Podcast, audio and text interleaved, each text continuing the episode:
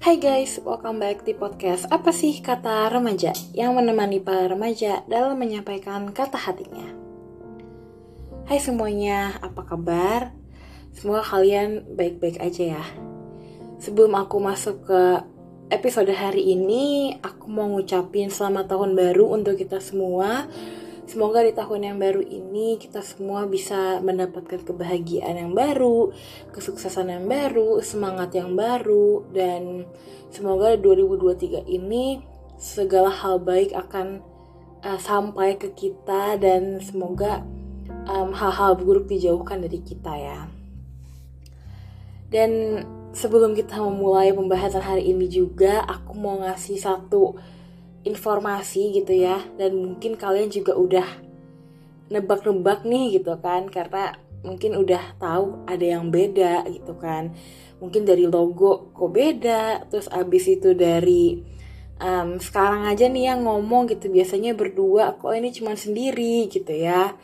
Ya jadi um, saya itu lagi kayak take a break dulu dari uh, ASKR karena uh, jadwalnya saya tuh padat banget jadi agak bentrok gitu sama jadwal rekaman kita gitu. Jadi uh, ya for a while bakalan aku sendiri lagi balik lagi kayak dulu gitu ya. Tapi um, semoga uh, as soon as possible saya bakalan balik lagi gitu. Oke okay. sekarang kita akan ke pembahasan hari ini ya. Seperti biasa gitu ya kalau tahun baru biasanya tuh aku bikin tahun rewind gitu ya. Kayak waktu itu aku bikin 2020 rewind gitu kan. Nah sekarang aku pengen bikin lagi 2022 rewind gitu. Apa aja sih yang terjadi sama aku di tahun 2022 dan apa aja sih pelajaran-pelajaran berharga yang aku dapat dari tahun 2022 gitu. Karena menurut aku tahun 2022 itu kalau misalkan disuruh bilang pakai satu kata gitu ya menurut aku itu the worst gitu tahun terburuk aku gitu for so many reasons ya dan um, dari awal Januari terus um, sampai pertengahan sampai akhir Desember itu apa ya kayak ada aja gitu sesuatu yang bikin aku tuh sedih, marah, nangis, kecewa dan lain sebagainya gitu. Dan um, it's like never ending gitu loh problemnya pasti tahun 2022 dan aku nggak tahu kenapa itu kayak berat banget aku menjalani tahun 2022 gitu. Bahkan menurut aku juga ulang tahunku ke 19 tahun 2022 itu juga ulang tahun yang paling tidak mengesankan gitu ya. Karena apa ya aku juga nggak tahu sih karena apa. Cuman ya menurut aku tidak mengesankan karena mungkin sebelum sebelumnya juga aku um, dealing with some problems gitu ya. Jadi mungkin moodnya tuh kayak um, ke bawah gitu ya sampai ulang tahun. Ya aku juga nggak tahu. Semoga di tahun 2023 semuanya bakalan better lah ya. Ya jadi um, tanpa berlama-lama lagi aku bakalan memberitahu gitu ya ke kalian apa aja sih pelajaran-pelajaran berharga yang aku dapat dari tahun 2022 yang pertama adalah bersyukur. Ini tuh sebenarnya kita dari kecil juga sering dibilang gitu kan sama mungkin orang tua kita sama keluarga kita kayak kita jadi orang tuh harus bersyukur banyak-banyak bersyukur gitu. Oh kamu kurang bersyukur gitu kan ya. Dan ya aku juga diajarin hal yang sama gitu kalau dari kecil emang aku harus bersyukur gitu. Tapi aku baru bener-bener memahami esensi bersyukur itu pas awal-awal tahun 2022 which is like antara Januari, Februari, Maret, April gitu lah ya um, kayak aku tuh kurang bersyukur menurut aku pas di tahun 2021 karena uh, I take everything for granted gitu. Kayak aku nggak nggak membayangkan kalau ternyata di 2022 aku bakalan seperti itu gitu bakalan mengalami banyak banget rintangan yang berat gitu kan. Di 2021 aku rasa kayak aku happy gitu ya. Maybe not the happiest tapi bener-bener kayak ya masih happy lah gitu dan masuk 2022 langsung kayak apa ya beda banget vibesnya gitu. Langsung aku langsung kayak kaget langsung bingung harus ngapain gitu kan. Terus um, karena banyak challenges itu aku jadi kayak look back gitu kayak oh ternyata dulu hidupku enak ya ternyata dulu tuh um, aku tuh deket banget sama teman-temanku gitu. Kayak um, mau jalan gampang gitu kan. Karena sekarang juga mau jalan tuh susah aku uh, tinggalnya udah jauh gitu kan dari teman-temanku gitu. Terus habis itu juga uh, mungkin pindah ke rumah yang baru gitu kan. Masih kayak homesick sama rumah yang lama gitu. Terus habis itu juga kadang kalau mikir wah enak ya di rumah yang lama. Uh, dulu sering banget disamperin teman-temanku gitu kan. Sekarang di rumah yang baru juga udah susah nggak ada yang nyamperin gitu kan. Karena ya udah jauh lah gitu kan. Terus habis itu juga ya untuk beberapa hal yang lain juga aku ngerasa kayak wah ternyata aku kurang bersyukur nih soal ini gitu ya. Jadi makanya menurut aku bersyukur tuh penting banget gitu. Karena kita nggak ada yang tahu gitu hidup kita bakalan kayak gimana selanjutnya. Di satu saat kamu hidup enak-enak tiba-tiba di saat berikutnya kamu jatuh itu aja nggak ada warning nggak ada apa-apa dan itu bisa bikin kita kaget dan kayak kok bisa sih gitu? Kayak baru kemarin aku begini sekarang udah begini gitu. Dan itu bener-bener kayak apa ya? Itu bener-bener sangat amat menyedihkan dan menyakitkan gitu. Jadi sebisa sebisa mungkin um, banyak-banyak bersyukur gitu ya karena ya kita nggak tahu kehidupan kita selanjutnya bakalan kayak gimana gitu. Mungkin aja sekarang kita mikirnya aduh hidupku yang sekarang nih nggak enak nih berat nih banyak tantangannya gitu. Tapi tetap disyukuri guys karena siapa tahu amit-amitnya ternyata di uh, selanjutnya gitu misalkan di tahun depan tantangan yang kalian hadapin tuh bakalan lebih ribet lagi gitu. Nah nanti kalau misalnya kalian udah menghadapi tantangan yang lebih ribet itu kalian bakalan look back gitu ke kehidupan yang sekarang. Sekarang kan kayak oh ternyata yang lalu tuh nggak seribet itu ya gitu jadi ya tetap bersyukur apa pun keadaannya gitu. Walaupun it sounds cliche gitu ya. Kayak kedengeran kayak apa ya? Kayak oh ya enak lu ngomong doang gitu. Actionnya mana gitu. Tapi I think bener-bener um, apa pun keadaannya, gimana pun perasaan kalian, apa pun yang sedang kalian hadapi, tetap bersyukur, um, find good things in every moment gitu. Oke, okay, yang kedua itu adalah people come and go. Ini tuh sebenarnya juga ada sering banget ya diomongin orang-orang gitu kayak, oh kita nggak usah bergantung sama orang lain karena orang tuh uh, come and go gitu. Dan sebenarnya aku memahami tentang people come and go ini gitu cuman personally aku belum pernah merasakan gitu sampai tahun 2022 gitu ya. Ya people come and go ini kan bisa dalam apa ya nggak uh, hanya pacar doang gitu kan bisa aja sahabat temen um, ya pacar juga bisa tadi terus habis itu keluarga mungkin orang tua dan lain sebagainya gitu ya.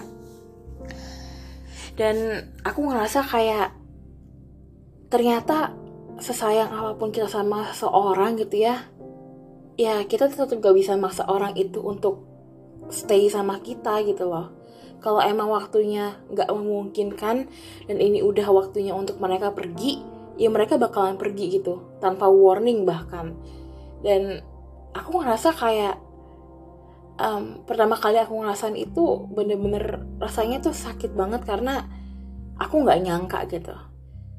Dan aku bingung mau bereaksi apa sama orang ini gitu. Karena kalau misalkan uh, benci aku nggak bisa benci sama orang ini gitu kan. Karena udah terlalu sayang gitu tapi mau marah juga bingung gitu loh mau marah ke siapa? Karena ya itu hak dia gitu untuk come and go gitu dan hak aku juga untuk mungkin come and go gitu kan. Dan akhirnya satu perasaan yang bisa aku rasain ya cuma satu kecewa gitu. Aku nggak tahu kecewanya sama orangnya atau kecewa sama ekspektasi aku gitu. Ekspektasi aku yang ngomong kalau orang ini bakalan stay terus sama aku padahal enggak gitu. Jadi ya harus apa ya bener-bener dicerna kalau orang itu bisa come and go gitu loh oke okay. yang selanjutnya adalah kita nggak bisa memaksakan seseorang untuk memiliki perasaan yang sama dengan kita ini juga pelajaran pahit yang harus aku terima di tahun 2022 gitu.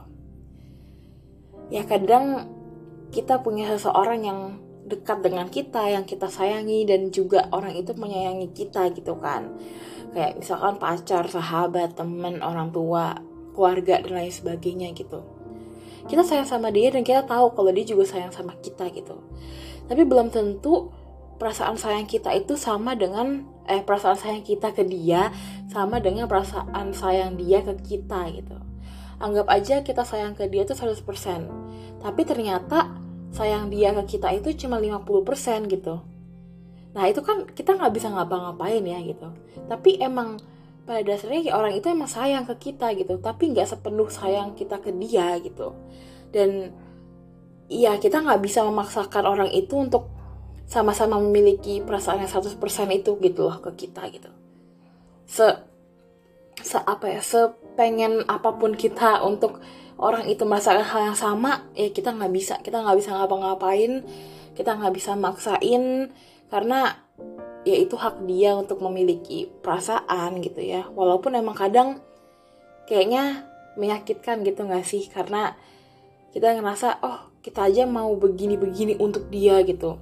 Tapi kok dia begini-begini aja gak bisa gitu kan? Ya that's life gitu. Kadang apa yang kita mau gitu kan apa ekspektasi kita nggak sejalan sama realitanya gitu.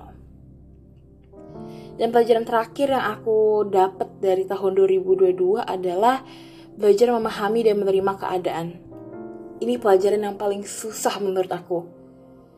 Dan memahami dan menerima ini aku udah mulai belajar dari tahun-tahun uh, sebelumnya. Cuman tetap aja kayak susah banget gitu udah aku lakukan tapi emang belum apa ya belum konsisten gitu. Karena memahami dan menerima keadaan tuh kayak apa ya bener-bener susah banget gitu loh.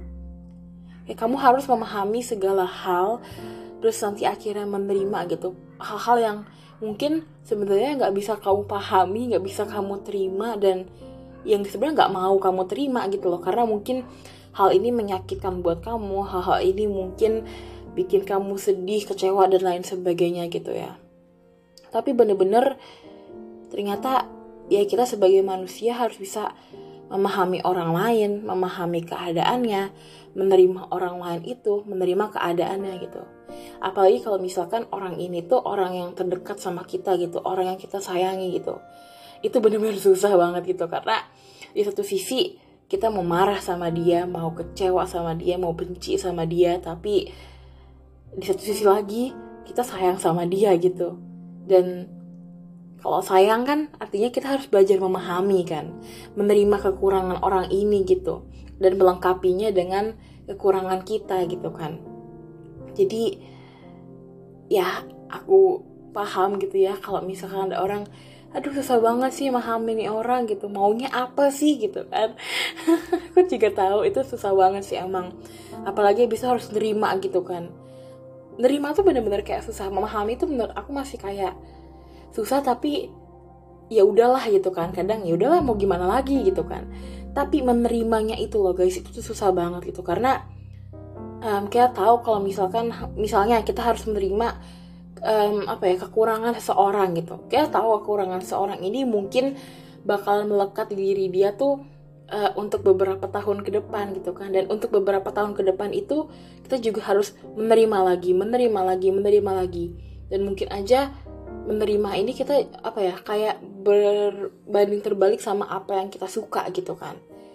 Dan itu akhirnya kita harus mengalah harus um, belajar untuk gak egois gitu ya. Dan itu susah banget sih. Jadi ya tapi aku yakin pelan-pelan pasti kita semua bisa untuk belajar memahami dan menerima seseorang atau keadaan. Ya jadi begitulah ya beberapa pelajaran berharga yang aku terima dari tahun 2022 sebenarnya masih banyak lagi sih pelajaran-pelajaran yang aku dapat gitu ya. Cuman menurut aku yang paling bener-bener ngefek gitu ya di hidupku tuh um, empat pelajaran tadi gitu yang bener-bener kayak aku renungkan aku um, teliti gitu ya aku analisis kenapa aku bisa mempelajari ini apa yang terjadi gitu kan. Jadi ya aku tahu sih pasti kalian juga punya banyak banget pelajaran-pelajaran hidup yang kalian pelajari di tahun 2022 gitu ya. Karena ya kita sebagai manusia pastinya kan bakalan tumbuh terus, berkembang terus dan belajar terus dari masa lalu dari kesalahan-kesalahan yang pernah kita buat gitu ya. Jadi ya kalau misalkan tahun 2002 kalian juga terasa berat dan mungkin sama kayak aku gitu yang ngerasa kalau 2022 itu tahun yang the worst atau gimana semangat karena kalian gak sendiri dan aku harap di tahun 2023 bakalan jadi tahun yang lebih baik untuk kalian dan aku juga. Semoga yang buruk-buruk udah lah ya ditinggalin aja di 2022 di 2023 kita um, manifesting hal-hal yang baik lah ya untuk kita. Amin. Jadi segitu aja untuk episode hari ini. Ya seperti biasa aku nggak lupa-lupa ya nggak bosen-bosen untuk ngingetin kalian kalau misalkan ASKR tuh um, udah banyak gitu ya sosial medianya. Jadi silahkan di follow di subscribe di di apa lagi ya? Di like dan lain sebagainya gitu ya. Kita punya Spotify kita punya Instagram kita punya email kita punya YouTube terus um, apalagi kita punya TikTok gitu ya. Cuman TikTok sama YouTube sekarang sih lagi agak non aktif gitu ya. Cuman mungkin nanti di in the next time kita bakalan aktif lagi gitu ya ya seperti biasa semuanya di nama yang sama. Apa sih kata remaja? Kalian tinggal type aja nanti tinggal apa ya muncul gitu kan. Terus habis tinggal di follow di like dan lain sebagainya gitu. Dan jangan lupa juga kalau misalkan kalian mau request topik atau mau jadi mungkin mau jadi guest star gitu ya atau mungkin mau minta aku untuk bahas sesuatu gitu tuh boleh banget. Tinggal DM ke apa sih kata remaja aja boleh atau mungkin kalau misalkan kalian tuh mau nitip cerita gitu ya yang panjang boleh banget di email ke email apa sih kata remaja gitu. Jadi sekian untuk hari ini. Terima kasih banget buat kalian yang sudah setia mendengarkan dari awal sampai akhir. Dan sampai jumpa di episode selanjutnya. Bye bye